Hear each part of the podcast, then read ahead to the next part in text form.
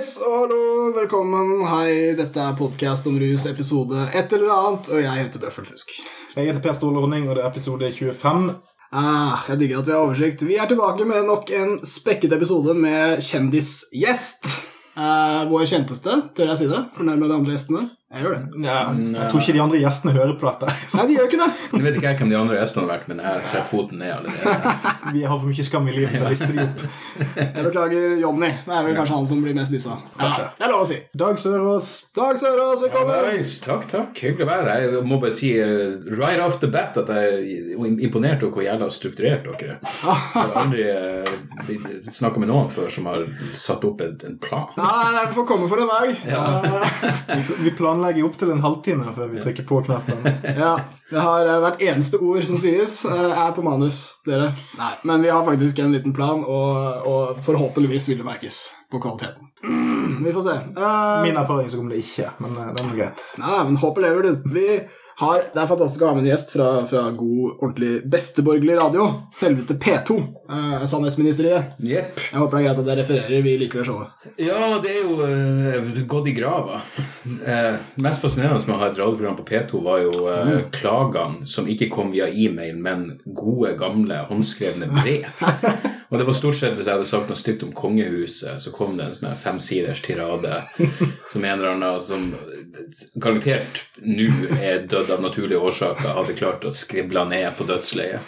Og jeg svarte aldri. Jeg må ærlig innrømme det var ikke alle jeg leste ferdig engang. For det, det, det er noe med den gamle håndskrifta som, er- som er nærmest umul, umulig å tyde. Men, eh, men det, det ja, det, det tror jeg noe som, som sier noe om dårlig prioriteringsevne på alle måter. Hvis det er sånn de prioriterer siste delen av livet. Men også noe passende med at klager på at jeg er mot kongehuset, kommer på en såpass utdatert måte som ved sneglepost. Definitivt. Det, er, det er fantastisk. Det er som et brev fra en annen tid. Altså, det er noen tidskapsel. Ja, ja. Oldefar er forbanna. Og jeg tror, nå bare for å forsvare meg sjøl, at grunnen til at jeg aldri svarte, var at det var ingen returadresse. Nei, jeg bare lurte på, ja, Var det fordi at det ble levert med brevdue? Det er jo Ja, det sånn brevdue, og så skrev de bare under med fornavnet sitt. Som om det skulle være nok. Til alle gamle lyttere så vil jeg anbefale e-mail, bare fordi at det går litt fortere. Og vi snakker om ting, så glemmer vi det, og så tre uker etterpå kommer brevet. Det er for sent. Du blir ikke like fornærma hvis du ikke får svar på en e-mail heller.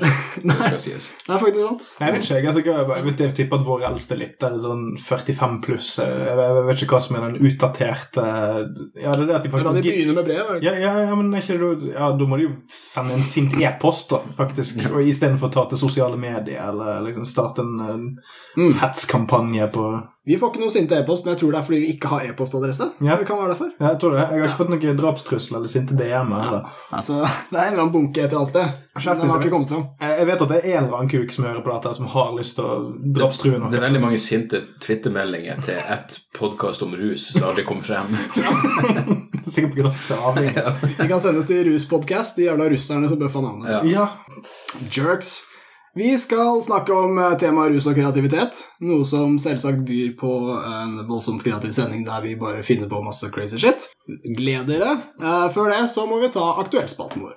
ja, altså Nå har jeg kommet til det punktet der jeg bare er nødt til å google eller altså sånn trompetfanfare og putte inn her. Så hvis jeg ikke har gjort det, så er dette introduksjonen til Aktuellspalten. Hei, Aktuelt. Vær så god. Takk for den. Jeg tenkte vi skulle snakke litt om at norsk ruspolitikk beveger seg, og, og i det hele tatt faktisk rører på seg. Hei, hvor det går. Vi har tre navn på blokka. Det er da Høie, Tajik og Anundsen. Det høres ut som sånn tidenes kjipeste Mamas and Papas covergruppe. eller noe sånt.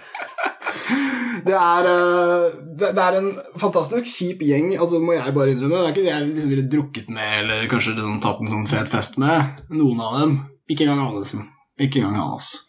altså ikke, ikke fordi han er en for, motbydelig person, jeg bare tror han drikker veldig hardt. ja. Det er jo Heimat-ministeren. Mm. Jeg føler det er en sånn uhellig treenighet av eh, bare sånn personlighetsclash for min del. Jeg tror ikke jeg ville gått særlig godt overens med, med noen av dem. Nei. Selv om vi gjør en innsats. Jeg må jo si, jeg, jeg vet at dere kommer til å si noe positivt om det her, men Det det, er da clashen kommer, siden jeg er til vanlig standup-komiker og liker å klage på ting. Så er det med en gang det skjer noe positivt som jeg er enig i, så begynner jeg gjerne å lete etter faen, jeg håper det skjer noe negativt oppi det positive, så jeg faktisk kan snakke om det her. Og så kommer Haja Tajik og berger dagen. Ja, det er det hun gjør. Og Andersen nå er på den. La oss gi litt kontekst for eh, Ja. lyttere som ikke følger med i avisene. da. Ja, de hører bare på oss for å få konteksten, og det setter vi jo pris på. Uh, vi tar uh... Dere er rusens Daily Show. Ja, faen heller. Ingen andre tar denne jævla rollen. Hvem er jeg oppi av? Ja, Ok, fus på å være Det er jo John Oliver som får sitt eget show etterpå. Ja, ja, nei, ok, jeg ville være Stephen Colbert. Unnskyld meg, så før Colbert fikk eget show ja, men først. jeg, ja, men jeg er styggere enn Colbert, så jeg, jeg Ja, men ingen ser jo det. Okay, John Oliver er fattigmann Stephen Colbert. Ja, det det er helt riktig. Vi skal, ok, vi får ta kontekst. Eh, eh, norsk ruspolitikk pleier jo å stå helt forbanna bom stille. eh, men nå har det jo skjedd at flere og flere partier har tatt eh, til orde for at vi burde endre ruspolitikken. Eh, noe som er eh, nytt, bare det. Det kom særlig etter at ungdomspartiene begynte å uh, si det.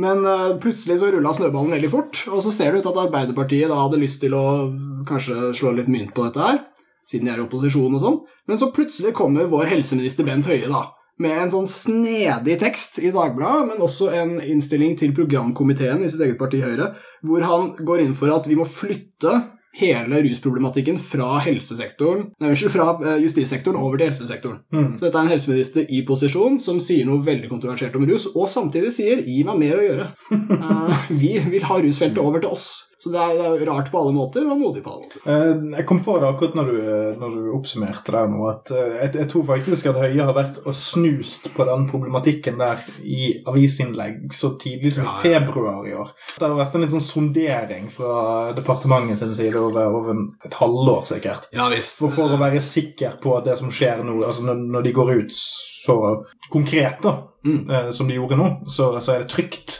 Det er trygt politisk. De vil ikke få så mye backlash for denne formuleringen og denne, Mm. disse tiltakene. Men jeg må jo bare klappe, altså vi, vi har jo tynt høye nok i dette programmet. og Vi har det.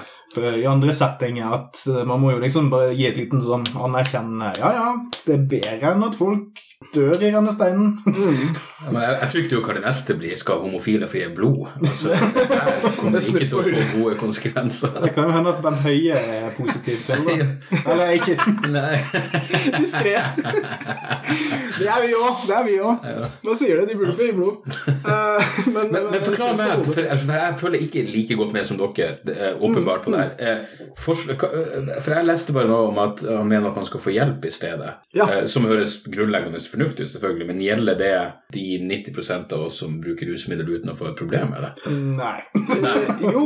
eh, ja. Men altså, det spørsmålet der er det beste, for det er det som blei konflikten i etterkant Ja, av ok. uttalelsen. Eh, fordi det Høie mente, det var Portugal-modellen. Mm. Og, og igjen, jeg tror eh, Arbeiderpartiet ville ha sin egen slå mynt på dette her, men Høyre har holdt på lenge. De har Minerva, som har tatt til orde for legalisering for lenge siden, og de har masse sterke rådgivere og debattanter som alle ønsker dette, så de ville ikke la det seg kuppe Arbeiderpartiet. Eh, og, og klinte gjennom dette her, og det Høie skrev i sin tekst, det var Portugal-modellen. Og det var litt sånn vagt, men det det handler om da, er at man flytter de juridiske sanksjonene over til administrative sanksjoner, som stort sett handler om å mase på folk uh, i mye større grad enn å gi dem bot og fengsel. Uh, det møtes, det, det ringes, det er, det er en svær Nav-prosess.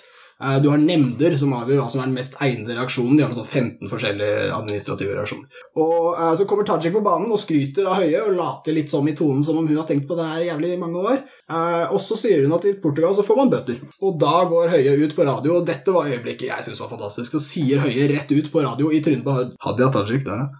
At bøter er alltid feil sanksjon for bruk av narkotika. Og Hadia Tajik brukte eksempelet folk som er på fest, 19-åringer som tar rus for å tøffe seg, veldig classic eh, gruppe å gå etter, de burde kanskje få bot. Eh, Høie sa bot er alltid feil, og det syns jeg Høie skal ha enormt skryt for. Det er helt fantastisk å høre en helseminister i posisjonsside. Det er helt, helt sjukt. Så den ikke komme. Takk, Høie. Ja, nei, Det varmer jo et kynisk hjerte nå inn i helvete. Akkurat den uttalen har jeg ikke fått med meg engang. Nei, og plutselig så var den faen meg straight up og rett fram ærlig. Ja, for et sp- Spørsmålet er jo hvor mye av alt det her som kommer til å komme seg gjennom Mm. eh, den kjøttkvernen på Ja.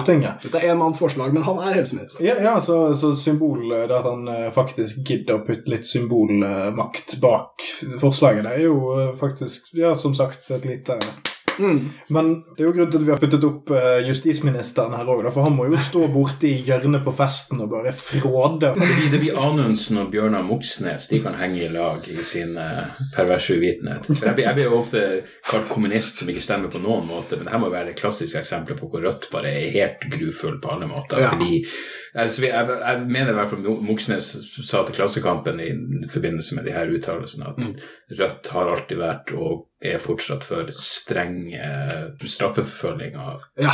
alle former for eh, rusovertredelser. Ja, men det, det, det- det er en kritikk vi har hatt her i, eh, her i programmet en god stund. er Det at venstresiden, til tross for sitt solidaritetsprosjekt, er vanvittig usolidariske. Og det, Mm. den er litt sånn, Høyresiden har òg vært jævlig autoritære i løpet av de siste hundre årene, det er ikke det. Men, men høyresiden har på en måte blitt infisert av den her eh, litt snedige nyliberalismen som har mange ulike forgreininger. Som egentlig ikke er motstriden til det å ha et kommunistisk eller sosialistisk perspektiv. Det er bare at man er mer satt i liksom klassekampen-kretsene. Det, det er Yes. Mer gammel gammelmannsverden Ja. enn høyresiden. er dessverre litt mer ungdommelig for tiden, hvis du inkluderer venstre, f.eks. Mm. Ja. Men vi har i, på norsk venstreside, som vi har vært inne på før i sånne historiske sammenhenger, at uh, venstresiden i Norge har en arbeiderbevegelsen, har en sterk tilknytning til avholdsbevegelsen. Uh, men, men på venstresiden i politikken så har det kommet til uttrykk på litt forskjellige måter. Fordi de mange arbeiderpartiene sånn, de har hevet seg på solidaritetsargumentasjonen om rus. Men det har ikke Rødt gjort, og det har ikke KrF gjort. Litt sånn overraskende. De liker solidaritet ellers, men på rus er det bare nei, absolutt ikke. Og nå som de fleste partier ikke vil beholde dagens ruspolitikk, men endre til et eller annet, så driver vi og har en sånn svarteper-konkurranse. Hvem blir sist? Mm. Og akkurat nå så er Frp og Rødt helt enig. Eh, Det er det jævlig sjelden. Eh, Det er en interessant situasjon. Men du har en sånn 10 kanskje mer også, i Frp, programkomiteen der. Hvert år så går de inn for full legalisering av alle narkotiske stoffer. Og de, de har en kjerne da, av ekte liberalister. Så Rødt ligger jævlig dårlig an. Eh, Det ser rett og slett ut til at de kommer til å koble rus og svakhet fortsatt. Og det er, det er, det er litt fucka, fordi det der sosialistiske prosjektet det har eh, mildt sagt eh, flere utfordringer enn det. Nå skal til, til Rødt sitt forslag, så er jo ungdommen og der òg mer Ja, Rød Ungdom har vel hatt, eh, sagt det totalt motsatte. Det var vel derfor Ja. han uttalte seg i utgangspunktet. Ja, de, for de, å slå fast at de voksne fortsatt er fornuftige. de gikk ganske langt, så det skal vi ha skryt for. vi, vi hører det er buldring borte med barnebordet, men vi tar ikke hensyn. ja. Ja, jeg må si det er alle lederne i Rødt fra, fra han godeste Herregud, da. Moxnes. Ja, Moxnes, men også han eh, Folkvord, tenkte jeg på, i Oslo, er også sånn ekstremt eh, kritisk til rus. Sterk rusmotstander. Så de er, de er ja, kanskje mer, mer enige med KrF, faktisk. Eh, Men jeg syns, det er veldig morsomt at, at Bent Øie kommer ut med dette nå, mens Anders Anundsen er i full eh, skadereduksjonsmodus etter, etter folkeopplysningsepisoden. han, har- den er jo blitt eh, hyppig omtalt, selv for lytteren, tenker jeg. Ja, jeg tror den, den trenger vi ikke noe kontekst. Nei. Eh, I siste nummer av Gradsavisa Natt og Dag så er det en veldig fin reportasje hvor de er med på en videregående skole hvor eh, Anundsen da presenterer sin nye program, eller hva det er. Altså, hva skal vi kalle det? Kampanje. Hen, henrettelseskampanje. kampanje. Som er narkotikafri skole, da. Eh, og dette foregår sammen med politiforeninger av ymse sort, bl.a. vår kjære favorittforening Norsk Narkotikapolitiforening, som står og deler ut hefter om at det er viktig å ha mot, som har jævlig mye med saken å gjøre. Så ja, sjekk ut det. Anundsen er i god gammel modus. Han har ikke kommentert verken Høie eller Tajiks utspill, så vidt jeg vet. Han eh, vil trolig beholde narko i justissektoren. Uh, Ja. har en tendens til å ikke si så mye mer enn det. Ja, altså, dette er jo potensielt noe som kommer til å skape regjeringssplid, spør du meg. For det, det er to ganske drøye motsetninger i spill her. Det kan hende rus faktisk blir eh, noe som gir politisk kapital. Altså, Muligens. rus kan bety noe politisk i Norge. Men man skal jo ikke undervurdere den effekten dårlig propaganda på skolen har. fordi det, det var det, det som gjorde at jeg begynte å tenke over det her temaet som en, eh, en ung gutt i Narvik på videregående skole, hvor vi hadde en, Ja. en politimann som kom og fortalte hvorfor vi ikke burde, kose oss på noen måte som ikke var statlig sanksjonert, og en eller annen smarting. Jeg, jeg hadde ingen forhold til noen verdens ting. Jeg var ikke antiautoritær, jeg var veldig lydig på alle måter, men en hadde satt seg inn i alle de klassiske argumentene for at det var mindre skadelig å røyke hasj enn å drikke alkohol, og politimannen ble mer og mer eh, på defensiven og sa til slutt dere skal ikke røyke hasj fordi det er ulovlig. og liksom jeg, Så der og da tenkte jeg det er ikke et godt argument, og da takk for det øyeblikket, for det gjorde i hvert fall Det er første gang jeg kan huske at en autoritetsperson ble intellektuelt avkledd av en ungdom som egentlig bare satt og ropte ut ting han hadde pugga egentlig ikke forsto implikasjonene sjøl, men, men det er liksom Og det, det vil jeg tro er enda større sjanse for skjer på norske skoler nå, med internett og ja, Mm. eh, mer tilgang på informasjon. Hvis jeg får være naivt optimistisk. Ja. Det virker jo i hvert fall som om den informasjonen de serverer i disse kampanjene, det er på en måte den nye forskninga, men sett med briller som at den bekrefter alt vi visste fra før. Mm. Uh, så weed er f.eks. at det er så mye cannabis de fokuserer på. da. Uh, Cannabisen har blitt mye sterkere enn før, og det er farlig. Eh, Så tar de da og siterer første del av rapporten, som er den har blitt sterkere, og den andre delen av rapporten er det er egentlig ikke så veldig farlig. Eh, Men de, de fokuserer på på det fareaspektet, frykt osv. Og jeg, jeg tror det egentlig er det som er galt. Det er derfor Politidirektoratet selv kaller sånne kampanjer antatt virkningsløse. Det er fordi at eh, frykt i denne sammenheng ikke biter på. Eh, ungdom leter bare etter en grunn til å ikke høre på det du sier til dem. Nei, for at, mener jeg har sett en studie som jeg har referert til før. det er at Dette med holdningskampanje er egentlig generelt sett bortkastede penger. Pengene er i dass.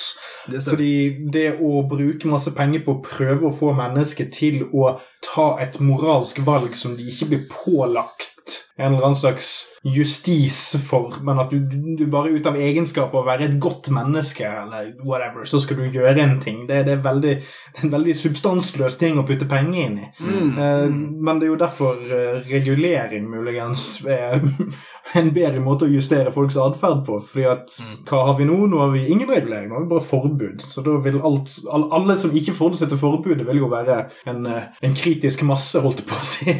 Ja, ikke sant. Så Nei, vi, vi vet jo dette om ungdomskulturen, at det er, det er mer cannabis der enn det var før. ja, Selv om disse tallene tar veldig lang tid å samle, og sånn, så bekrefter jo alle jeg håper å si, eh, sosiale ting og brukstall i, jeg håper å si, fra, fra alt annet enn spørreundersøkelser og sånne ting. Bekrefter at, at cannabis er vanligere enn før. Og Det har å gjøre med internett og informasjonsspredning, og også at markedene har, har utviklet seg i forhold til hva de var. Men når du sier andre ting enn spørreundersøkelse, hva, det betyr tester i kloakken og sånn her? Eller sånn Ja. finne ut hvor mye cola de tar på vestkanten? Ja, det, det er én ting som Ja. bekrefter eh, syntetisk cannabis. Det, det, Ja, okay. det, vi kan ikke teste organisk cannabis i kloakken, men vi har f.eks. andre indikatorer her at det, er mye mer med i serier, det dukker opp mer i sanger. Altså, Ja, okay. ok. Det er også sanger som på en måte er, om ikke myntet på, så, så brukes av 16-åringer, brukes av 18-åringer, sånne ting. Så. Ja. så cannabis er, normaliseres litt sånn sakte, men sikkert. Mm. Og likevel da, så har du sånne kampanjer hvor budskapet er bare klin likt som når vi gikk på skolen. Det er virkelig Dette er kjempefarlig. eh, For noen kan det gå bra. Det er unntakene. Mm. Så du burde ligge unna. Og dermed en slags omvendt logikk av den vi fordrer til alkohol. Vi vet noen kommer til å slite, men det er lovlig likevel. Ja og så også for å rettferdiggjøre alle disse kampanjene som de eh, Ja. ruller ut sammen, sammen med Aktis og Norsk Narkotika- og Politiforening og hele den pakken der, så er det jo Mm. Det man alltid brukte å støtte det opp. Og det var jo tilfellet i den Natt og Dag-rapportasjen som vi snakket om nettopp. Så er det jo sånn at uh, man, man har åpen presse, sant? altså alle kan komme, så kommer NRK og TV 2. NRK og TV 2 har ikke tatt noe standpunkt til dette spørsmålet, så de bare rapporterer. Se hva justisministeren holder på med her. Og så intervjuer de to eh, 14-åringer som sier ja, alle røyker hasj. Jeg, jeg vet om minst én som røyker hasj. Så, Og det er fælt. Jeg sier alltid nei, huff. Men det er jo bare med på å, å videredrive den samme gamle storyen. Selv om den jentungen som står der og sier 'huff, alle som røyker hasj', hun er jo sikkert den kjipeste i hele, på hele klassetrinnet. Ikke at det er kult å røyke hasj, barn, men, men allikevel det er sånn, du har en sånn seleksjonsprosess der du alltid klarer å finne en eller annen party Purpose er med på å understøtte det, det gamle, gamle, gamle poenget, Mm. istedenfor å, å rette eh, fokus videre. Og det er egentlig sånn Anders Anundsen fremstår for meg generelt. Det er bare en, en gammel party pooper Jo, men som har lyst til å kjøre helikopter og Segway. Den typen holdning når, når jeg, jeg vokste opp i en uh, by som heter Narvik, og da var det sånn at det går, du kan ta toget til Roskildefestivalen, Uh, og når du kom tilbake fra Roskilde via Sverige, så var det fast standard at absolutt alle unge mennesker ble tatt til side, så de setter hund på deg, og de avhørte deg, Og det var full jævla pakke. Satan. Og så, så ble du plukka opp av foreldrene dine, så jeg bare spurte mora mi, som jobber med advokater, er det her lovlig. Og bare, det er ingen som tror at det her er lovlig. Men foreldrene godtar det i tru om at å, det her kommer til å moderere min sønn eller datters oppførsel i det store, stygge utland. Men det viser bare hvor langt du faktisk kan strekke det når du har en, eh, en partypooper. For det her var det jo, jeg skal ikke gå ut med navn, og dessuten har jeg glemt uansett, men det var en, en virkelig en satanisk Himmler-inspirert, eller Himmler, kanskje ikke rett, Goebbels-inspirert eh, eh, toller som bare som, som, som ikke kom inn på politihøgskolen, men som virkelig fikk vist sin autoritet Mm. med å eh, bare stoppe alle og avhøre dem. Jeg husker til og med en gang at de gjorde et beslag som kom på forsida av lokalavisa, hvor jeg, jeg visste hvem han som ble tatt var. Han kom inn bakom sperringa for å gi blomster Han hadde ikke engang vært på Roskilde, men han skulle gi blomster til dama si som hadde vært på Roskilde. Han skulle være romantisk. Og så skulle han gå utfor sperringa igjen. De bare du, du kan ikke gå ut før vi har ransaka deg. Han sa men jeg har ikke vært på Roskilde. Nei, men du har vært innenfor sperringa, og så fant de to gram på han. Og da var selvfølgelig oppslaget narkobeslag etter Roskilde, og det er sånn Det er så jævla Alle vet at det er bullshit, men du fyller avisplass, og folk føler faen, seg han viktige. fortjente ikke det. Altså. Nei. Å, shit. Så Det er det du får igjen for å prøve å vise deg at du bryr deg om folk. Ja, og dette, ja, det, vi har vært inne på det før. At dette skaper en, sånn konflikt, altså en kløft mellom, mellom eh, jeg håper å si voksne og ungdom, da, kanskje spesielt. Men også autoriteter og ungdom, og den kløften er der egentlig fra før. og du burde kanskje ikke gjøre den så mye større. Jeg tror at ungdom, kanskje hvis de har lyst til å høre noen snakke om rus, så har de kanskje lyst til å høre om no med noen som har røyka weed, eller på en måte har noe, en form for erfaring, i hvert fall, som kanskje ikke sier akkurat den ene tingen de alltid har sagt, og det er 'du burde faen meg holde deg unna', altså alt, alle rusmidler er egentlig klin like. Uh, de, de vil ha denne erfaringen. Dette er grunnen til at vi bytta til internett som kilde, for der får du lese folk som gir begge sider, den negative og den positive. Den positive har ikke vært tilgjengelig tidligere. Nei, for du kan alltid drive og snakke om, liker internett. du kan alltid drive og snakke om confirmation bias oppi dette. Ja. Dette problemet er at du alltid vil oppsøke dine egne for å bekrefte ditt eget synspunkt. Men den akkurat innenfor rusproblematikk så har faktisk de siste 15 årene vært en kjempebra anti-confirmation Mm. bias-innsprøytning. Nå må vi være litt forsiktige framover da, for å ikke, ikke blande for mye. Men, men bare sånn denne lille revolusjonen vi har hatt nå, har vært hovedsak. Jo, men Du undervurderer ungen sin i helvete mye. Jeg kan bare se for meg at hvis, hvis faren min hypotetisk sett hadde sagt jeg har prøvd forskjellige rusmidler, det er stort sett fantastisk, men det kan være helt jævlig, da vil jeg eh, ha mye mer respekt for rusmiddel enn jeg ville ha hvis han bare sa alt er forferdelig, og så vet du innerst inne, muligens basert på egen erfaring, at det ikke stemmer. Eh, jeg vil, du undervurderer ikke bare informasjonstilgangen unge har, men, men sunn fornuft. Du skal ikke være så gammel før du vet at ting er mer nyansert enn bare bra eller bare ille. Nei visst. Og den gode gamle strategien som vår justisminister reiser rundt med nå, det er den gode gamle. Problemet med den er at den besvarer ikke en hel del spørsmål som ungdommen faktisk har om disse rusmidlene. Og de spørsmålene de er av en type art sånn at når du svarer på dem, så kommer du til å avsløre at oi, det kan hende det går an å bruke det. Det er kanskje ikke undergang her, resultatet hver eneste gang, men ungdommen krever svar på dette her, og de kommer til å gå på internett, og de kommer til å finne svar på dem uansett, så jeg vil bare ønske Anundsen lykke til med den jævla kampanjen hvor han prøver å late som det er 90-tallet, for det er det ikke. Nei, altså Han kan jo late som om det er Juvente. Han gjør for noen måte det. Nei, nei men tenk, hvis, hvis vi kunne fått Anundsen til å innse at dette er akkurat det samme som Juvente Ja. driver med, så hadde han kanskje Hvis Anundsen hadde sittet og sett på et Juvente-foredrag, så hadde han sittet og himlet med øynene Ja, da- akkurat da som, de, som de 16-åringene gjør på hans foredrag. Det hadde vært interessant å se. Anders Anundsen tenker kritisk. Ja. Anders Anundsen møter Juvente i samtale om cannabis. Eh, Klin enig. Herlig absurd. Nei, det er, det er spennende tider. Jeg håper det fortsetter sånn som når eh, det var på radioen her om dagen, når Høie og Tajik satt og diskuterte hva slags reguleringsform vi burde ha i Norge. Om det burde være legalisering eller avkriminalisering eller hva. Jeg håper det fortsetter sånn. Så kan jeg leve med at Anundsen driver og reiser rundt på skoler og har en sånn jævla sideshow med, med sine favorittsnutt. Det er liksom Det får bare være. Eh, Jeg tror virkningen er langt større av Hadia og Bents debatt. Altså, Jeg tror ikke Anundsen er fornøyd før han har sin egen personlige eh, Robocop. Som bokstavelig talt går rundt og skyter folk på Grønland. Og tar seg en shot etterpå. Mm, mm. Nei, vi får gå i gang med temaet vårt. Rus og kreativitet. Og her skal vi innom eh, ja, det meste. Hvem vet hvilken vei vi går? Vi går kreative veier.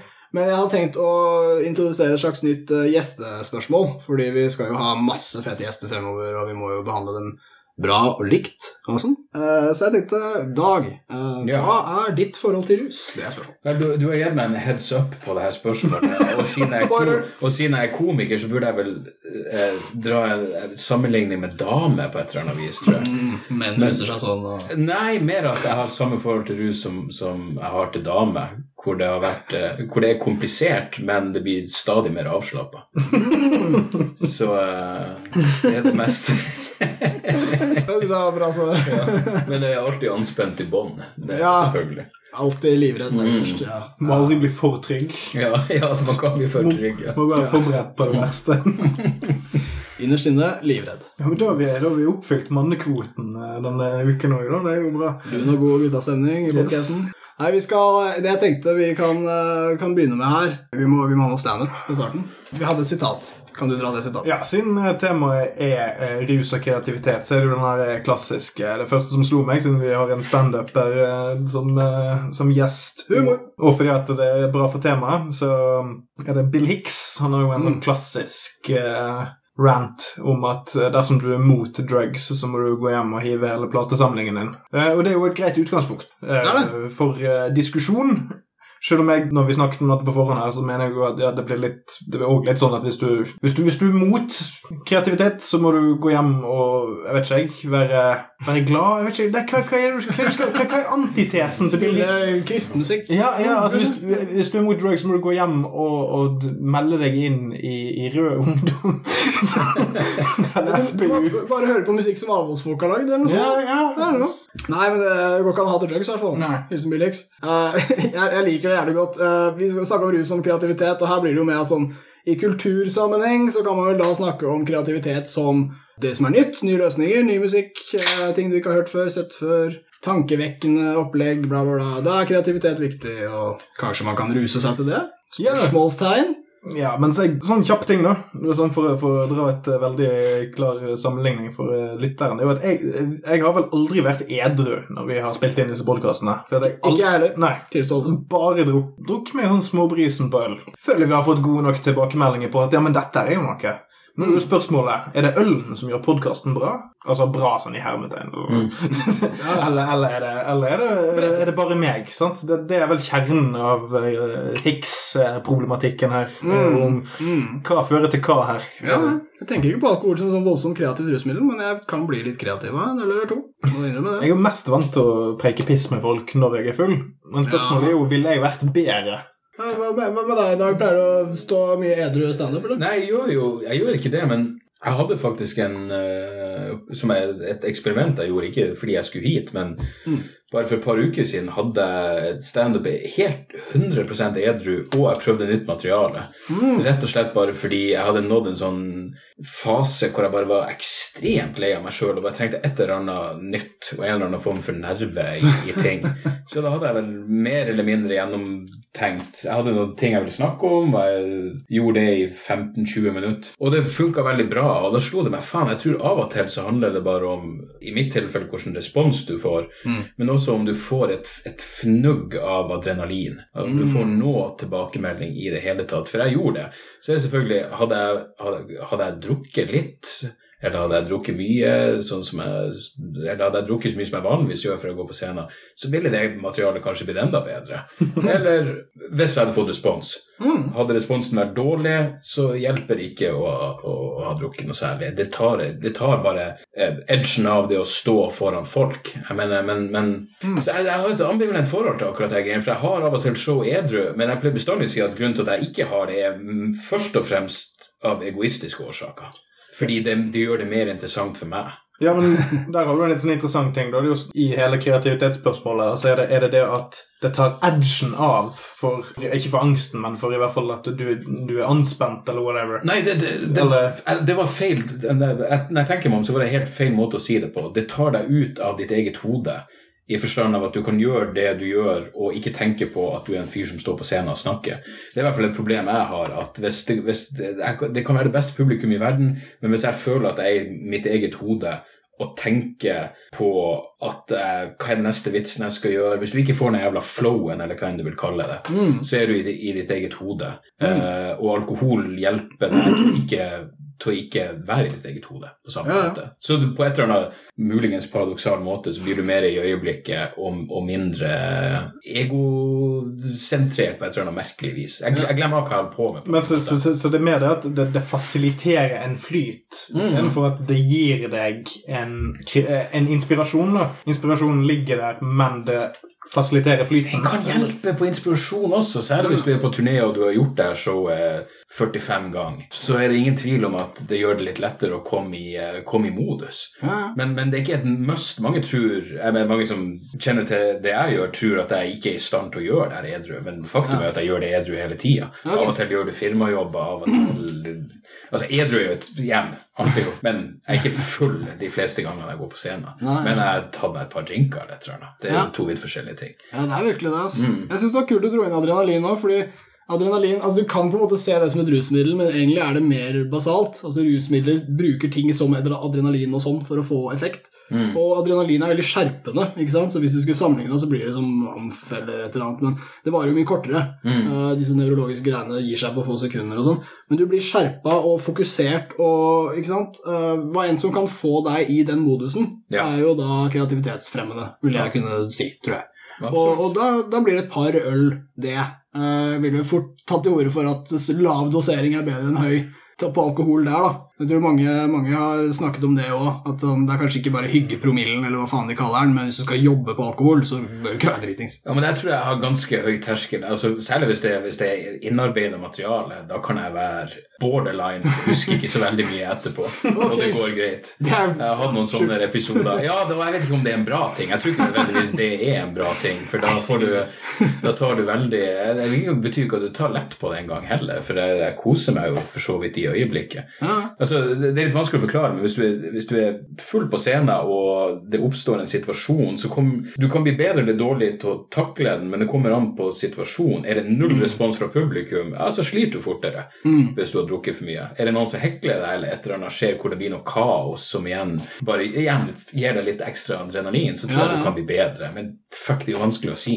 Men, men jeg, jeg har funnet en sånn ganske sånn relativt moderat promillegrense som jeg liker å starte med, i hvert fall. Og så utvikler det seg jo i løpet av et show. Men noen ganger så det, det, akkurat det med adrenalin er interessant, fordi noen ganger kan jeg tro at jeg er fullere enn jeg egentlig er, fordi det å være brisen og så få god respons, gjør at du fortsatt får en eller annen form for jeg vet faen, lykkerus, eller Ja, ja. kanskje det igjen, kanskje det bare er adrenalin. Og så tenker jeg faen, når jeg går av scenen, så føler jeg meg ganske full, og så går det syv minutter, og så innser du eh, jeg tror jeg kunne kjørt hjem nå.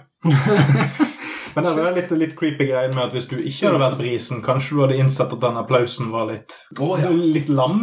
Det har jeg flere ganger. Jeg tar jo opp lyden av alle showene mine, og det har skjedd. Det har ofte vært mye bedre i hodet mitt. Men herregud, Ja, ja. Må, dette må jo være en unik greie for dere artister som, som holdt på å si, jobber for applaus òg. Det er jo alle musikere og sånt, eh, og, og holdt på å si, komikere drar de samme vitsene gang på gang, spiller de samme sangene gang på gang, men så på slutten så kommer det alltid en eller annen form for applaus. Og det er jo en rus involvert i å motta den. Det er jo bekreftelse og mestring, og det er jo masse digge ting i det.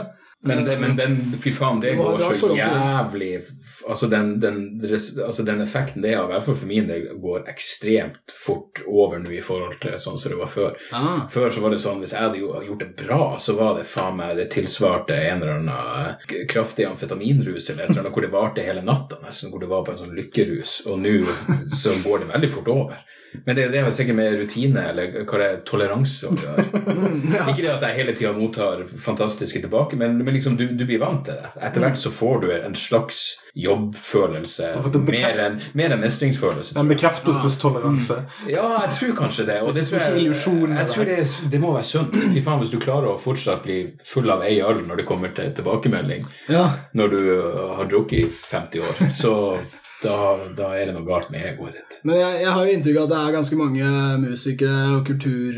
Altså, hva skal jeg si Artister som bruker uh, i hvert fall alkohol da, i små doser for å eh, prestere. Prestasjonsfremmende, vil jeg kalle det. Og det er, altså, jeg tenker sånn generelt da, at rus kan liksom bryte opp eh, mønstre og vaner. Sånn Hvis du tenker på samme måte, synger samme sang, drar samme vits hele tida, så kan det i hvert fall by på en slags edge, et eller annet nytt. Eh, men jeg tenker at det, da er det veldig lett igjen da, å ta til orde for disse smådoseringene. Eh, det har jo også å gjøre med at du skal prestere, og å være dritings er vanskelig. Men, men hvis du drikker veldig mye, så kan man alltids eh, altså Det kan skape nye, mer sånn problematiske sider. Eh, Og da kan du få mindre kreativitet. Ikke sant? Hvis du er avhengig av rusmidler, så blir du ikke fort lite kreativ. Så, men, men jeg tror generelt, da, hvis rus er bra for kreativitet, eller kan medføre noe positivt der, så er det fordi det bryter opp mønstre og vaner. At vi mennesker blir veldig stuck i, i sporene våre, og så plutselig kommer rus og rister deg ut av det. Noe som sikkert veldig mange ting kunne gjort, men rus er også en sånn. Det kommer helt an, altså Kreativiteten her kommer an på hva slags perspektiv du har på det. Mm. Altså Som en fyr som digger ting som er anti-establishment eller disruptive eller sette deg ut av shit, så er det jo Det er jo ikke alltid kontrollert. Altså de, Keith Richards har jo aldri vært en fyr som har snakket om moderasjon. Og sammen med en hel haug med andre folk innenfor så å si alle Hvis du finner en, en, en drug-fiend innenfor en eller annen slags kunstaveny, Mhm. så, så vil, det, vil det være veldig mye kaos der. Og, og for min del, som rockeentusiast og sånn, så er eller metal og sånt, så, så tror jeg nettopp denne overstadige beruselsen Det har ikke noe med kreat... Altså, det er ikke det at de karene der ble kreative av å drikke seg halvt i hjel, altså Metallica ble kalt alkoholiker på 80-tallet, Mm. Men det er det at å, å være i en kontinuerlig drita state når du står på scenen, når du skriver altså, Det fucker deg opp mentalt. Det er ikke det, og det er ikke bra å gjøre det. Men den musikken bare formes gjennom å bilde, eller hva bildekunst kan faen enn du driver med, så blir det formet gjennom nettopp at hjernen din aldri får fred. Altså at du alltid Mm. setter den til helvete ut på sidelinjen med et eller annet stoff. Mm. Og det former kreativiteten din. Det betyr ikke at det var kontrollert eller at det var bra, men at det dukket opp. For at det fins mange korrigerende krefter. Så han fyren han Trommisen var edru, så han holdt rytmen, mens leadgitaristen Noen var edru, mens andre var drita, og det var en helt kongekombo. Så det kan være moderasjonen. Ikke det at han fyren som var drita, noensinne planla det. Det var en long rant. Men, eh, men, men det er jo også noe med, i hvert fall den følelsen her, og den kan jeg jo få 100 nykter når jeg skriver materiale, er den lille dryppen av ja, igjen adrenalin, men denne følelsen av at du er inne i en sånn sone. Ja, flyt sånn- fint Flyt det er fuckings det, det- det, det er noe av det mest Mm. det, det er det nærmeste jeg kommer noe mystisk, for jeg, jeg skjønner jo at det bare er en sinnstilstand, men det, det føles virkelig som rus, hvor du liksom får en sånn eh, Ja, du får sikkert noe kjemiske belønninger i hjernen din også, hvor du bare føler Jeg kan, jeg kan bare få sånn lite stikk av Faen, jeg tror jeg er inne på noe. Mm. Og det kan være eh, Men det er også noe, en sånn eh, tilstand som jeg syns er vanskeligere å nå. Jeg vet ikke om det har med alder å gjøre, eller med at man er kontinuerlig distrahert av internett og e-mail og alt det der pisset. Eh, man har dårlige konsentrasjonsevner for. Mm. Men det, hvis jeg skulle prate om noe som var fantastisk rus, så må det være noe av det nærmeste. Og det er jo for de som måtte synes at det er en overbevisende argument. Naturlig rus Mm, ja. eh, som du kan oppnå. Men jeg vil tro tilsvarer eh, Jeg vet da faen. En eller annen tilstand du kan opp, sikkert oppnå med meditasjon eller noe, hvor du bare Ja. uten noe annet Ja, og eh, begrepet flyt er dritbra her. fordi altså, For det første tenker man det, det brukes på kreativitet, kreativitetsflyt og sånn.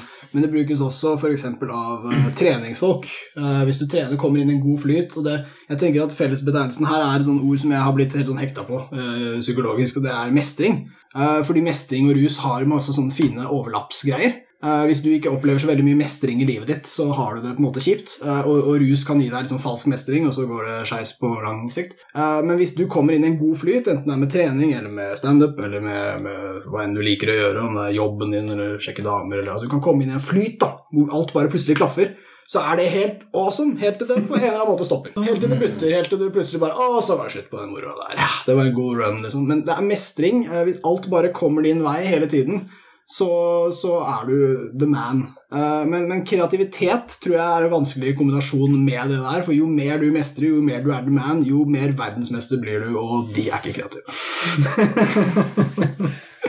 men det spørs. Det spørs. Eh, jeg tror kreativitet er på en måte veien ut. Og kanskje problematiske livssituasjoner gjør deg mer kreativ. Kan, kan vi Samtidig finnes det store artister som fortsetter å lage dritfet musikk, selv om de har masse suksess.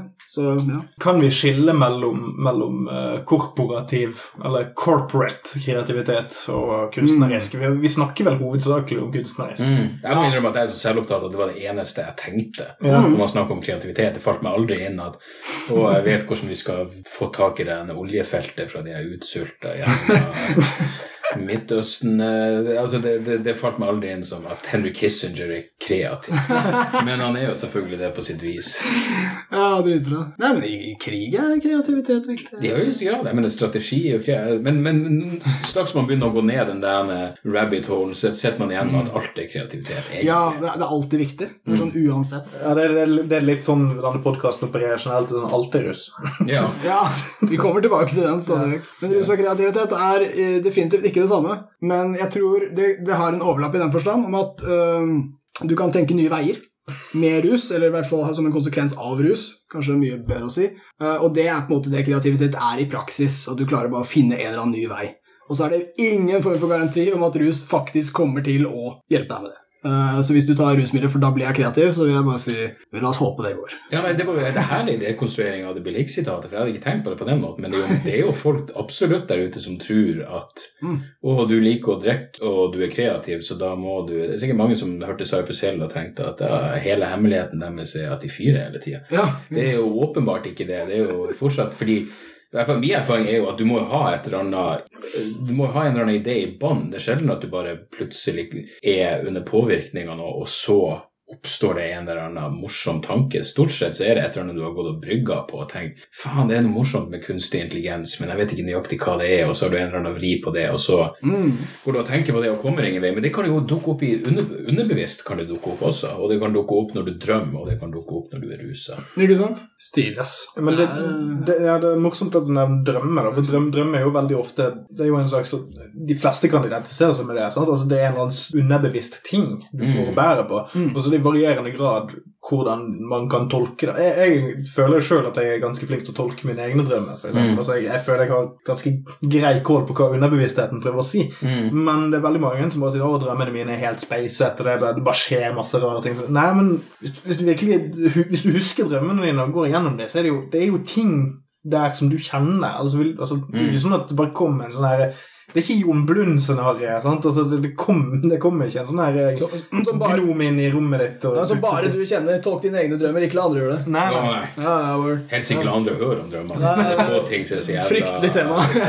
Men det siste jeg skal si om, om, om akkurat det der, som Ja. faktisk egentlig er den igjen, det, det som føles som en rusfølelse, er de øyeblikkene, eller de, kanskje det er dager hvor For min del hvor jeg har et eller annet, jeg må ha premiere på et eller annet, eller jeg har et show som må være klart da og da, så er det faen meg fascinerende hvor jeg kan gå og tenke på noe annet, og så er det plutselig en hel vits som kommer klart frem for meg, eller den henger sammen med den.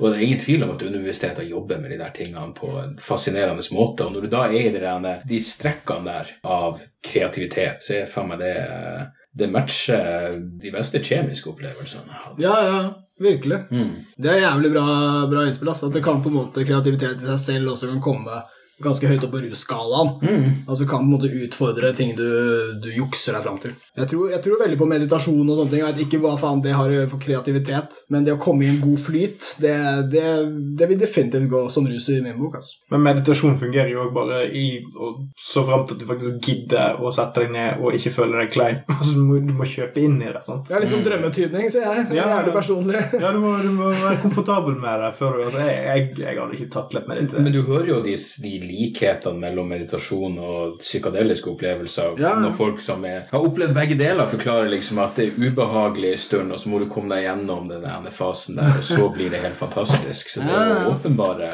og, og folk som har gjort begge deler, sier at det er sammenligning. Ja, ja, ja, men kult. Altså, det er bra å dra psykedelika inn i dette her. Altså, fordi når vi snakker om kreativitet, så snakker vi på en måte om uh, nye løsninger og sette gamle ting sammen til nye ting. Og da blir jo det å, å, å, bryte det opp og ha en eller annen form for dybde, det blir viktig. Og det er det psykedelika eh, er særtegnet deres, da. Særpreget deres i rusverdenen. Det er at de har en sånn underlig dybde. Folk som tar psykedelika snakker om sånn svære temaer, snakker om verdensrommet og eksistens og, og all den dritten her. Så man kan jo tenke seg at man blir kreativ av mer det enn uh, andre rusmidler hvor det ikke skjer.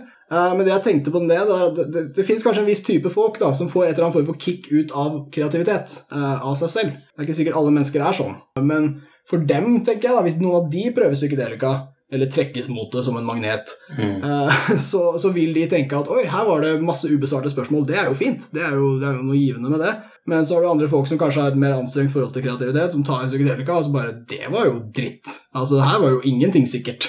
Så jeg ble bare redd og stressa et eller annet. Jeg ser for at kreativitet nesten kan forstås som et sånn mentalt sunnhetstegn eller noe sånt. Eh, Det er noe du driver med hvis ting er på stell. Jeg tror Anders Anundsen hadde slitt jævlig på psykedelika, for at ingenting er sikkert. ja, det er jo det, ja. Jo, men jeg husker jeg så en, en fyr jeg kjenner en gang som hadde spist opp og bare gikk og flirte, og jeg følte meg så misunnelig fordi jeg tenkte det hadde vært digg. Å kunne være i den tilstanden og så bare synes at alt er helt topp. Ja, ja. Og ukomplisert og bare gøy. Eh, Det, det har nok noe for seg, det òg. Ja, ja, Skulle sies at han ikke det jeg ville kalt et kreativt menneske. Kanskje han lo av enkelheten. Ja, ja jeg- for all del.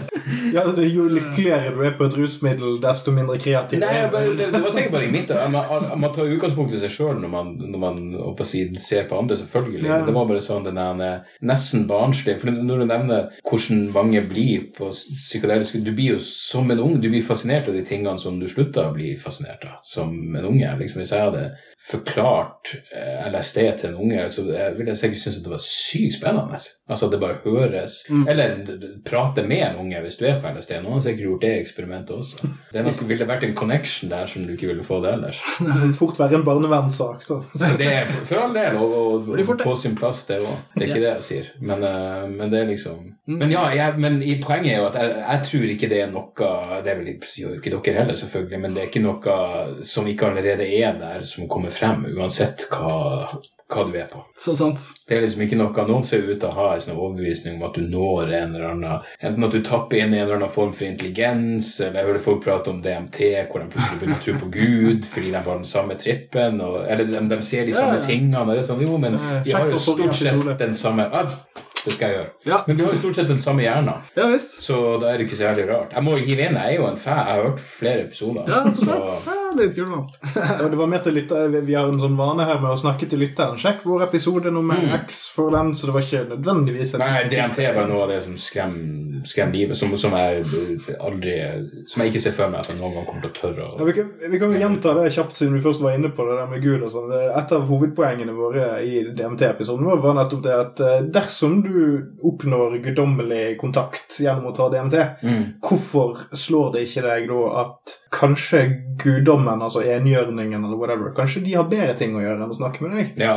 Hvorfor, hvorfor antar du at de bare er Særlig når du er så rusa. Ja, ja. Så, Det er veldig personlig, og de står og venter på deg. Og det er sånn, really? Ja. Eh, Er det den felles greia? ja, kan, du, kan du ikke bare dra til helvete, da? Kan du ikke bare Ja. oppføre deg ordentlig? Sant? Ja. Veldig bra. Ikke tro at universet står på pinne for deg, menneske. Eh, Ja, nei, For alle de som snakker om at å, det oppløser egoet ditt Det her ser ut til at du fortsatt har det største Ja, egoet. ja, ja, en kompis av meg gjorde standup med dette, eh, og, og han skal jeg huske navnet på etter hvert. Marco.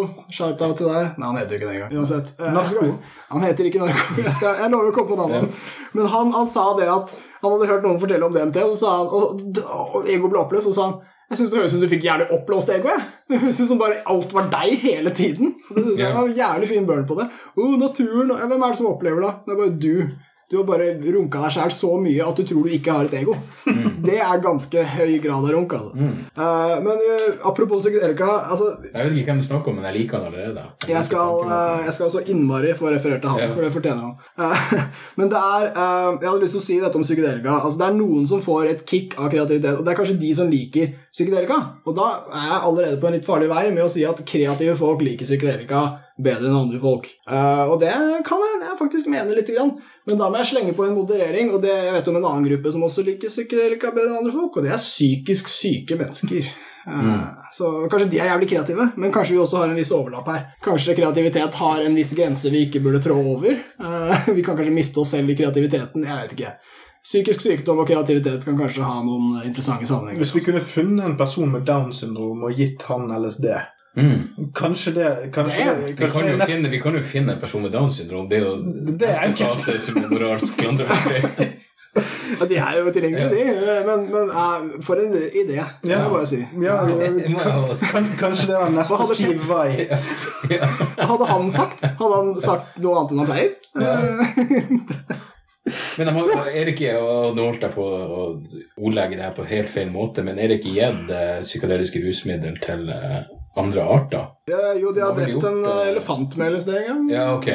Nå vet ikke helt hvordan den døde, men ja, det er i hvert fall gjort, det. Hva, det er akkurat, hva, er, hva faen er mongoose på, eh, på norsk? Det er vel mongose Det blir morsomt! Nei, er en fugl, er det ikke det? Ja, men de er, Nei, nei, nei, det, det er jo de der som slåss med kobra, ikke sant? De er mang, mang, ja, men, eh, det er må- sånn, sånn røyskattaktig jævel, ikke sant? Ja, jeg tror det må være noe hardcore, for CIA Operation Mongoose var jo, så vidt jeg husker, noe, noe horribelt faenskap. Han er Bruce Alexander, jeg, jeg tror det var han er Rat Park-fyren. Ja. Bruce Alexander. Til, eh, til en mongoose. Sier jo mye om meg ikke engang At jeg bare leste det på engelsk og tenkte ja, det høres fett ut. Men jeg vet da faen hvordan dyr. Jeg, bare, jeg trodde også det var en fugl, faktisk. Men um... Ja, det er jævlig bra. Så jeg elsker jo Vi kan jo gjerne dra Rat Park inn i, det, inn i dette her. Det eksperimentet der hvor uh, Det alle fokuserer på med det eksperimentet der, det er at når du bygde Rat Park og rottene fikk tilgang på sosiale ting Greien er jo at en mongoose på norsk er mungo. Mungo. Mungo. Greit, da, da var du innafor. En slags uh, da vil bare jeg klikke på bilder på Ja. Google-søket. er med medlem av mungo-familien. Folkemunne mungis. Som inkluderer mungoer og manguste. Så vi er fortsatt clueless på hva faen det er. Ja, det er et kattelignende rovpattedyr. Ja, ok. Så det er en slags Ja, jeg er så fascinerte da. Jeg glemte hva jeg skulle si. Ja, du var vel inne på Rat Park, tror jeg. Ja, takk. Ja, jeg kan ta den Rat Park-greia bare for å prøve å dra kreativitet inn i det. Skvise det inn. Uh, for det, det folk tar ut av det eksperimentet der, med god grunn, da, er at uh, når rottene Jeg håper eh, lytteren kjenner til eksperimentet. Det har den visst noen ganger før. Ja, veldig mange ganger, så det får være. Uh, vi, når rottene var i et lite rom, så brukte de narkotika i veldig stor grad. De hadde da vann og narkotika, og så valgte de narkotika. Ja, for dere episoder var gjennom dette. Stemmer, og når de da ble satt i et større miljø der de hadde sosial interaksjon, valg av venner, valg av partner, så valgte de å ta veldig lite narkotika og hadde da et liv lite preget av det. Uh, det jeg gjerne ville fått med her, det er at, uh, som aldri tas med i Ratpark, det er at de lot ikke narkotikaflaska stå helt. De fortsatte å ta litt. Mm. Og jeg vil gjerne trekke oh, ja. fram det som en slags kreativitetsgreie, fordi avholdsfolk Uansett hvor mye puler og hvor mye venner du har, så blir livet ensformig i lengden. Ja, altså du, du trenger bitte litt, og dette er liksom avholdsfolk liker å bruke Rat Park som en slags «Å, Og da sluttet de å ta narko. Men det, det skjedde faktisk ikke. De fortsatte å ta veldig lite. De tok sånn 10% av hva de tok før. Og, og dette er liksom sånn gyllen dose. Vi er, vi er allerede inne på dette i rusforskningen. Lykkepromille er dette. Altså, vi, vi trenger litt. Vi trenger forandring, vi trenger sanseendring. Det, det hjelper. Det, det, på kreativitet, på livskvalitet, på alt sånt. Men, men det er jo litt sånn Pandoras eske når det kommer til Og det blir brukt og misbrukt veldig mye med Pandoras eske, og jeg kan ikke noe om gresk eller whatever fucking mytologi det gjelder. Men, men greien med Pandoras eske er at når du først har åpnet den, så kan du ikke få det tilbake igjen. sant? Alle verdens ondskap føk ut. Sånn can of worms, can of bees, whatever. Skjønningerskatt før skjønning. Ja, sant. Men, men uh, en av de mer passende tingene med, den, med det bildet, med den metaforen, er jo det at når du først har introdusert noe for en, en gruppe, eller om det da er rottene eller menneske, menneskene, så det er vanskelig å fjerne det igjen. sant? Og det er da ok, Mm. disse rottene har blitt utsatt for hva er det, morf morfinavhengighet. Ja. Ja. Og det betyr ikke at liksom, i, i denne metaforen betyr ikke det at mennesket er rusavhengig som art. Men, men vi har blitt introdusert for en hel rekke med rusmidler, og det å, å fjerne det helt Mm. fra en prosess, Mm. altså, og da en kreativ prosess, eller Ja. når, når det først har dannet seg frie grupper i den vestlige verden, eller som, som utforsker kunst og kultur sammen i samspill, så er det jævlig vanskelig å få bare rusmiddelet vekk fra den kreative sfæren. Mm. Veldig sant. For at du har allerede etablert en sånn mytos rundt det. Mm. Oh, ja, ja. Og, og det at har du først fått en kul fyr hooket på drugs, så kommer han kule fyren til å fortsette å ta drugs, men du kan kanskje påvirke hvor dødelig det kommer til å være for han. Mm. Hvis du vil ha ytringsfrihet, så må han få lov å snakke om det òg. Men det var jo, det var jo de tok jo eh, rotter som hadde vært da morfinavhengige, var det vel, og satt dem i lag med de andre, og de slutta også å ta det så mye, i hvert fall. Jeg vet ikke om de slutta helt, om de da fikk en sånn AA-Juventet-tilnærming, hvor de bare måtte avstå. Fordi rotta tenkte 'jeg vet hvordan jeg er'. Nei, det skulle jeg gjerne visst detaljene på vite. Ja. Det, det, det fins jo evig sånn AA-tankegang om at en alkis er syk livet ut, kan aldri ta en drink igjen. Eh, Det er til og med med som han var en er komiker som var 16 år når han slutta å drikke, fordi han hadde en jævla røff oppvekst. Og så var han avhengig av alkohol fra 14 til 16 og så på seg sjøl som alkoholiker og kunne aldri Nei, jeg kan ikke ta en drink, for da havner jeg utpå igjen. Det er sånn Du er faktisk 42. Ja, ja. Jeg tror du kan kose deg nå. Ja, det, det, Hvis du vil.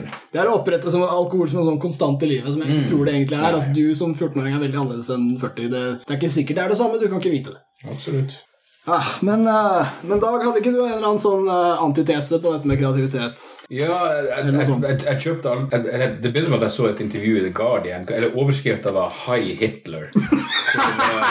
Hvor var- hvor man hadde venta lenge på den overskriften. Det er en artikkel for oss. Det var et intervju med en tysk forfatter som heter Norman Ohler, og jeg kjøpte akkurat boka hans som heter 'Blitzt', som handler om narkotikamisbruk i Nazi-Tyskland. Nice. Hvor nazistene visstnok hadde en veldig eh, sånn puritansk ordning, man skal ikke ruse seg, men Hitler og mange av hans underordnede gikk på, på amfetamin. Og faktisk, eh, det han påstår For her fyren Du skulle, du skulle tro at det er vanskelig å komme opp med med ny informasjon om noe så jævla gjennomstudert som andre verdenskrig. Men han har bare sett på korrespondansen mellom fastlegen til Hitler og Hitler, og konkludert med at Hitler var rusa på amfetamin hele tida.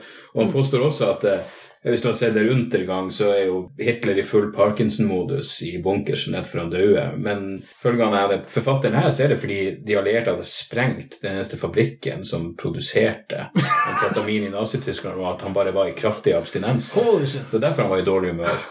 Og har skapt en million YouTube-memes med den tiraden sin og alt det der. Og hvem faen vet om det er sant? Men det er en interessant tanke. Nei, for det, fordi den, altså, den eh, Parkinsons-teorien som de spinner videre på i Der Untergang, er jo basert på ett klipp Mm. Som er tatt opp, som, som er filmatisert i filmen. Det er når han dekorerer disse her oh, ja, okay. ungdommene som driver og, som er Hitlerjugend, som forsvarer Berlin fra Og det blir filma på ordentlig, ja, ja jeg, jeg, tror det, jeg tror det er sånn det er ett klipp der de på der, der man kan se at Hitler har en sånn her uh, greie. Nå, nå vet jo ikke vi noe om uh, hvor kildekritisk denne Nei, nei. hvor kritiske kilden er, men det er jo kjempemorsomt hvis, Ja, men jeg tror jeg også, hvis vi har en hel film som er basert på et feilaktig premiss. Absolutt. Og den er ikke Den er ikke liksom, den er prisa av andre historikere også. Det er selvfølgelig kritikk og alt det der, men, men, men sånn vil det jo være med nesten enhver historisk bok med kontroversielle eh, kontroversielle hypoteser. Men, men igjen, jeg vet ikke om det gjorde Hitler kreativ. Det gjorde han vel bare jævlig i stand til å være Og, og en av de tingene han påpeker, at han har visst noe sånn eh, arkiv eh, hvor de liksom hadde tatt det Eller når nazister hadde kommentert seg imellom at Hitler var så jævla Han kunne være helt, han kunne sitte og sove, og så forsvant han i to minutter, og så kom han tilbake, og så var han helt overgiven. Så det er jo mye som tyder på at det var et eller annet kjemisk som foregikk. La oss invadere Polen, folkens. Ja, sykt kreativt. En annen ting jeg tenkte var at folk eh, De skrøt ikke så mye av f.eks. innholdet i talene til Hitler, men de var veldig fan av stilen. Å, ja. Eh, og de kalte det gjerne en sånn kreativ tale, men jeg tenker jo det er kanskje første gang de har sett en speed-fyr på talerstolen. Ja. Eh, rett og slett, Det er første gang det har vært eh, kombinert rollene taler og speed. Det er derfor jeg aldri tør å ta speed før jeg skal på scenen, for jeg er redd for at det blir for bra, altså. Det blir for overbevisende. Han starta en, bølge med en gang. Ja. du, du, du våkner i Jämtland og herjer. Ja, ja. Jeg har fortsatt bare lyst til å finne ut hva Mengele gikk på. Det hadde vært det mest Men det er, det er et flott bilde at vi, med den kunnskapen vi har i dag om speed, og hva en speedbruker er, og hvordan de er litt sånn maniske og kanskje ikke så jævla fete alltid, så, så fremstår disse talene til Hitler hvor han står og altså, er manisk, Mm. drar på med kroppsspråk og blæ. Altså, han fremstår veldig stressa og litt sånn u... u Jeg kan garantere at det er noe som Anundsen kommer til å sitere fremover. Anundsen aktivt kommer til å sitere denne boka flere ganger. det viser seg at Hitler eh, faktisk var narkoman. Ja. Jo, men altså, til gjengjeld altså, en, av, en av grunnene til at jeg kicket litt på dette med amfetamin-Hitler altså, Bare tenk tidenes punkrockband Amfetamin-Hitler. Det- Det er langt for lenge siden. Navnet er jo Men også det, altså, dette er jo antitesen til kreativitet. Altså, hva, er det vi forestiller oss når Ja. vi ser, når vi ser et, et skikkelig dystopisk fucket samfunn? Det er jo alltid en sånn nazi-greie. Sånn, altså, jo, fit, altså, amfetamin har en tendens til å bare Det, null, det nuller deg ikke ut, men det er jo en slags sånn en, en forflatning. Ikke ampert, men det er veldig sånn på. Det, hva, hva en tanke du får, er veldig god, og den skal bare liksom den, Det er noe tysk og ja, ja, altså amfetamin er noe veldig tysk. Ja. De var ikke så gode på kreativitet. Nei, nei, men Litt på krigen, men ellers Jo, men det er jo altså, På ett vis er det jo kreativt, altså i struktur og altså, altså, det, er mange- det er mange altså, det, Ja, produksjon og, og forsyningslinjer. Veldig bra. Så er det også tofrontskrig og Ja, Det kommer, det er bakside med alt. Ja, det er jo dagen derpå, sant, når du begynner Ja.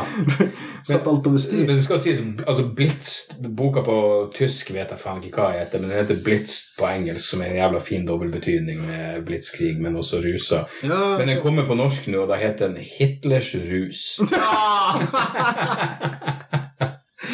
Det er jo vi som har ordet rus. Det er jo vårt ord som er best. Det her kunne vi gjort bedre arbeid. Fy faen, altså. Adolf Snifler. Ja. Ferdig snakka. Internasjonal Ja, tittel. absolutt. Kan brukes i alle land. Det er ikke for seint å skifte. Done. Hører dere, forlag? Hører dere? Ah, nydelig. Nei, glad, glad for at vi fikk på litt med snifler på slutten. Jeg tror vi må rappe opp denne deilige sendingen. Mm. Eh, da pleier jeg å rappe opp dritten, så vi prøver på det. Hva har vi vært gjennom i dag, da, dere? Vi har Nei, si det. Altså, prøv, en, prøv å få en rød tråd. Altså. Ja, ja, vi pleier å dra den røde tråden som egentlig ikke fins, og så rapper vi det opp med et eller annet moralsk budskap til slutt. Eh, vi har vært gjennom Aktuellspalten. Der var det høye hyllest og stort sett diss av alt annet. Uh, som andre Jeg føler meg litt skitten for det, egentlig. Det. Jeg vet det, men vi kommer aldri til å hylle høye igjen. Bare, trolig ikke. Jeg har regne med at det ikke gjør noe mer uforutsett. År 2025. Bent Høie til Dagbladet. Jeg elsker hasj. Jeg elsker podkast om rus. Å nei, å nei, å nei. Eh, vi har vært innom eh, alt fra Bill Hicks til eh, språklige vaner. Ja! Psykiske lidelser og kreativitet. Eh, deilig sammenheng. Jeg gir meg ikke før vi har fått tak i en fyr med Downs syndrom og gitt han psykedelika. Og, og, og bare kartlegge hva som skjer. Og gi han en elgitar. Han burde ha litt språk, han. Mm. eh, helst. Det er fascinerende faktisk at med tanke på hvor mennesker det er i verden, så er det garantert en trippende Downs-fyr der ute. we Definitivt. Ja. Fy faen, det er pressesuksess å få tak i han. Ja.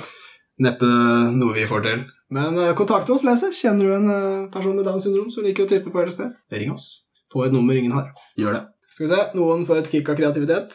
Kanskje de liker psykedelika, står det her. Ja, det har vært innom. Uh, men kan, kan vi bare ta det spørsmålet helt til slutt? Gjør drugs deg mer kreativ? Uh, sagt med utrolig folkelig språk.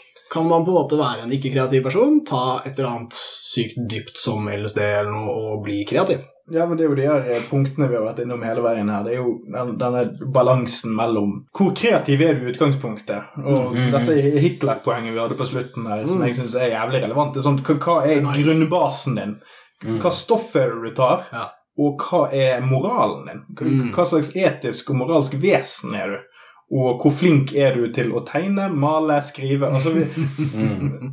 hvis du er verdens råeste kongledyrmaker, sant? Mm. hvor mye hjelper det deg at du røyker hasj? Mm. Sant? Kan du lage tidenes råeste kongledyrinstallasjon da, eller er det sånn Det er jo ingen som, ingen som kommer til å bli overbevist. Altså, Kongledyr får deg bare så langt. Ja. Så jeg, det kommer helt an på grunnflaten på både det etiske og kunstneriske. Ja, det første jeg tenkte var at det skader ikke med rus hvis du er kreativ, men, men jeg, jeg tror Altså, du skal være bra snever hvis det ikke gjør deg nysgjerrig. Ah. Og hva du gjør med den nysgjerrigheten, eh, kommer selvfølgelig igjen uh, an på utgangspunktet ditt. Mm. Nysgjerrighet og kreativitet, da, da tror jeg vi snakker om litt sånn samme Mm. startpunkt. Mm. Så er utfallene litt forskjellige. Men, men eh, altså, jeg tror sånn, rent moralsk, da. Vi elsker jo å smekke på litt moral på slutten. Og da blir det litt sånn Ikke relater din egen kreativitet med rusbruk. Og jeg vet det her er vanskelig for alle som bruker rusmidler. Vi, vi ja, hvis faen er det et vi, som har et suksess med dette. Vi, vi kan fort tenke at liksom, det går alltid bedre med. Men det, det er verdt å teste seg selv litt og se det at uh, kanskje adrenalin, kanskje andre faktorer rett og slett kan være litt viktigere for kreativitet enn de to ølene som alltid funker, uten å si at de ikke funker. For det gjør de. Men det er jævlig vits å sjekke det litt ut. Husk at liksom kreativiteten din og rusbruken din er to forskjellige ting. Det er vel moralske budskapet. Nå over til deg, Dag, du som har blitt uh, rikskjendis. Ja, nei, Det er vanskelig å ta utgangspunkt i noe annet enn seg sjøl. Ja, Og uh, prøving og feiling er vel som alltid moralen. Men, uh, men ja, nei, jeg, jeg tror på ingen måte at det Altså, det, det finnes jo åpenbare eksempler på folk som ikke ruser seg og er kreative. mm. Ja. Men da tenker jeg bestandig å, det har vært så interessant å se kreativiteten din i ruspåvirka tilstand. Ja, ja visst. Fordi ah, det der er bra, ass. Jeg får, får bable litt til. På samme måte så jeg må gjøre show nykter av og til. Ja, Det ja. hadde vært artig å se deg ikke være nykter. Yeah, right? Hypotetiske person. Det mikser du opp. Eh, Kommentar. Eh, Man har jo rockebandet Twisted Sister. Mm, ja. Tidenes eh, mest transsjokkete sjokkrockband. Eh, der er jo både JJ French og Dee Snyder, som er hovedkarene i det bandet, de er jo klink edru. Det har de vært hele Stenke. Og ja, Gene Simmons i Kiss, whatever. sant? Kan ikke anklage de for ikke å være kreative. Nei, nei, kreativt er det. Eh, Spørsmålet er sånn Hadde de vært mer sympatiske? Det er for inntrykket mitt med sånn 60 år gamle, veldig nyktre rockere at de er ganske douchey. Så, så vil, du, vil du vært mer empatisk menneske? Ja, men veldig bra. Disse bandene har i hvert fall ikke hatt problemer med å bryte ut av ramma. Og jeg tror egentlig begrepet kreativitet er innenfor rammer. Disse rammene kan være ditt eget hue eller gjengen din, samfunnet ditt, flokken din på en eller annen vis, en eller annen flokk. Kan, kan jeg dra inn noe så banalt som alkohol helt inn på slutten? På, Ja. Fordi når jeg ble sammen med dama mi første gang jeg traff svigerfaren min, og han skjønte at dette var et seriøst forhold, Mm. så prøvde han å skjenke meg dritings, for han ville se hvordan mann jeg var. Så skal det sies at han blekka lenge før jeg ble dritings, men jeg tror han hadde et poeng der. For med akkurat med det spesifikke rusmiddelet, så, så er det et eller annet som skinner gjennom med hvilken type du egentlig er når Ah. du er døddrukken. Du får håndtere noe vanskelig, og så ser vi åssen det går. Ja. Ja, men Det er jævlig bra, for det er innenfor rammen, den litt forslitte rammen av alkoholbruk som vi er så jævla fuckings glad i. Men, men jeg tror at uh, rusmidler endrer på uh, rammene vi er vant til ellers. Og, og utfallet kan bli kreativitet, fordi du får erfaringer av å fucke med rammene. Og kanskje er det det kreativitet er, at du finner liksom nye veier å gå. Eh, så Sånn sett så kan rus være et verktøy til kreativitet, men jeg tror du har jævlig good luck hvis du tror det vil medføre det. Jeg kommer til å angre på det hvis jeg ikke sier det. Bare sånn en kommentar til uh, Dags sånn uh, mannfolktest. ja, ja. ja. Kjør på. Det er en, en, en bekjent av en bekjent av meg. Han skulle møte sin svigerfar, som var finsk for første gang. Og da, da sto damene på kjøkkenet og lagde mat, mens svigerfar tok med seg sin nye svigersønn i kjelleren for å spille russisk rulett. Wow! Og det, det, er jo- det er jo endelig Nei, for så vidt rammene, så jeg, jeg vet ikke om jeg skal jeg og svigerfar hadde tatt LSD sammen, så det har selvfølgelig vært jævlig interessant. Det er mye lengre kveld. Kanskje noe med tradisjonelle mannsrollen og det å skulle dominere andre. Så det er det du skal tenke ut hva er en god manndomsprøve. hei, jeg gir inn en brannfakkel. Ta med svigermor også. Inkluder kjønnene. Men når du skal tenke ut manndomsprøver, så vær kreativ. En Ja. liten russisk rulett, kanskje. Da får du testa den, vet du. Ah, nei, vet du hva. Ikke prøv dette hjemme. Takk til Dag. Hei, det var jævlig hyggelig. Ja, faen, vi må Seriøst hyggelig. Ja. Kom tilbake, vær så snill. jeg, jeg går på ren adrenalin når jeg sier det. Flott. Awesome. Takk for i dag.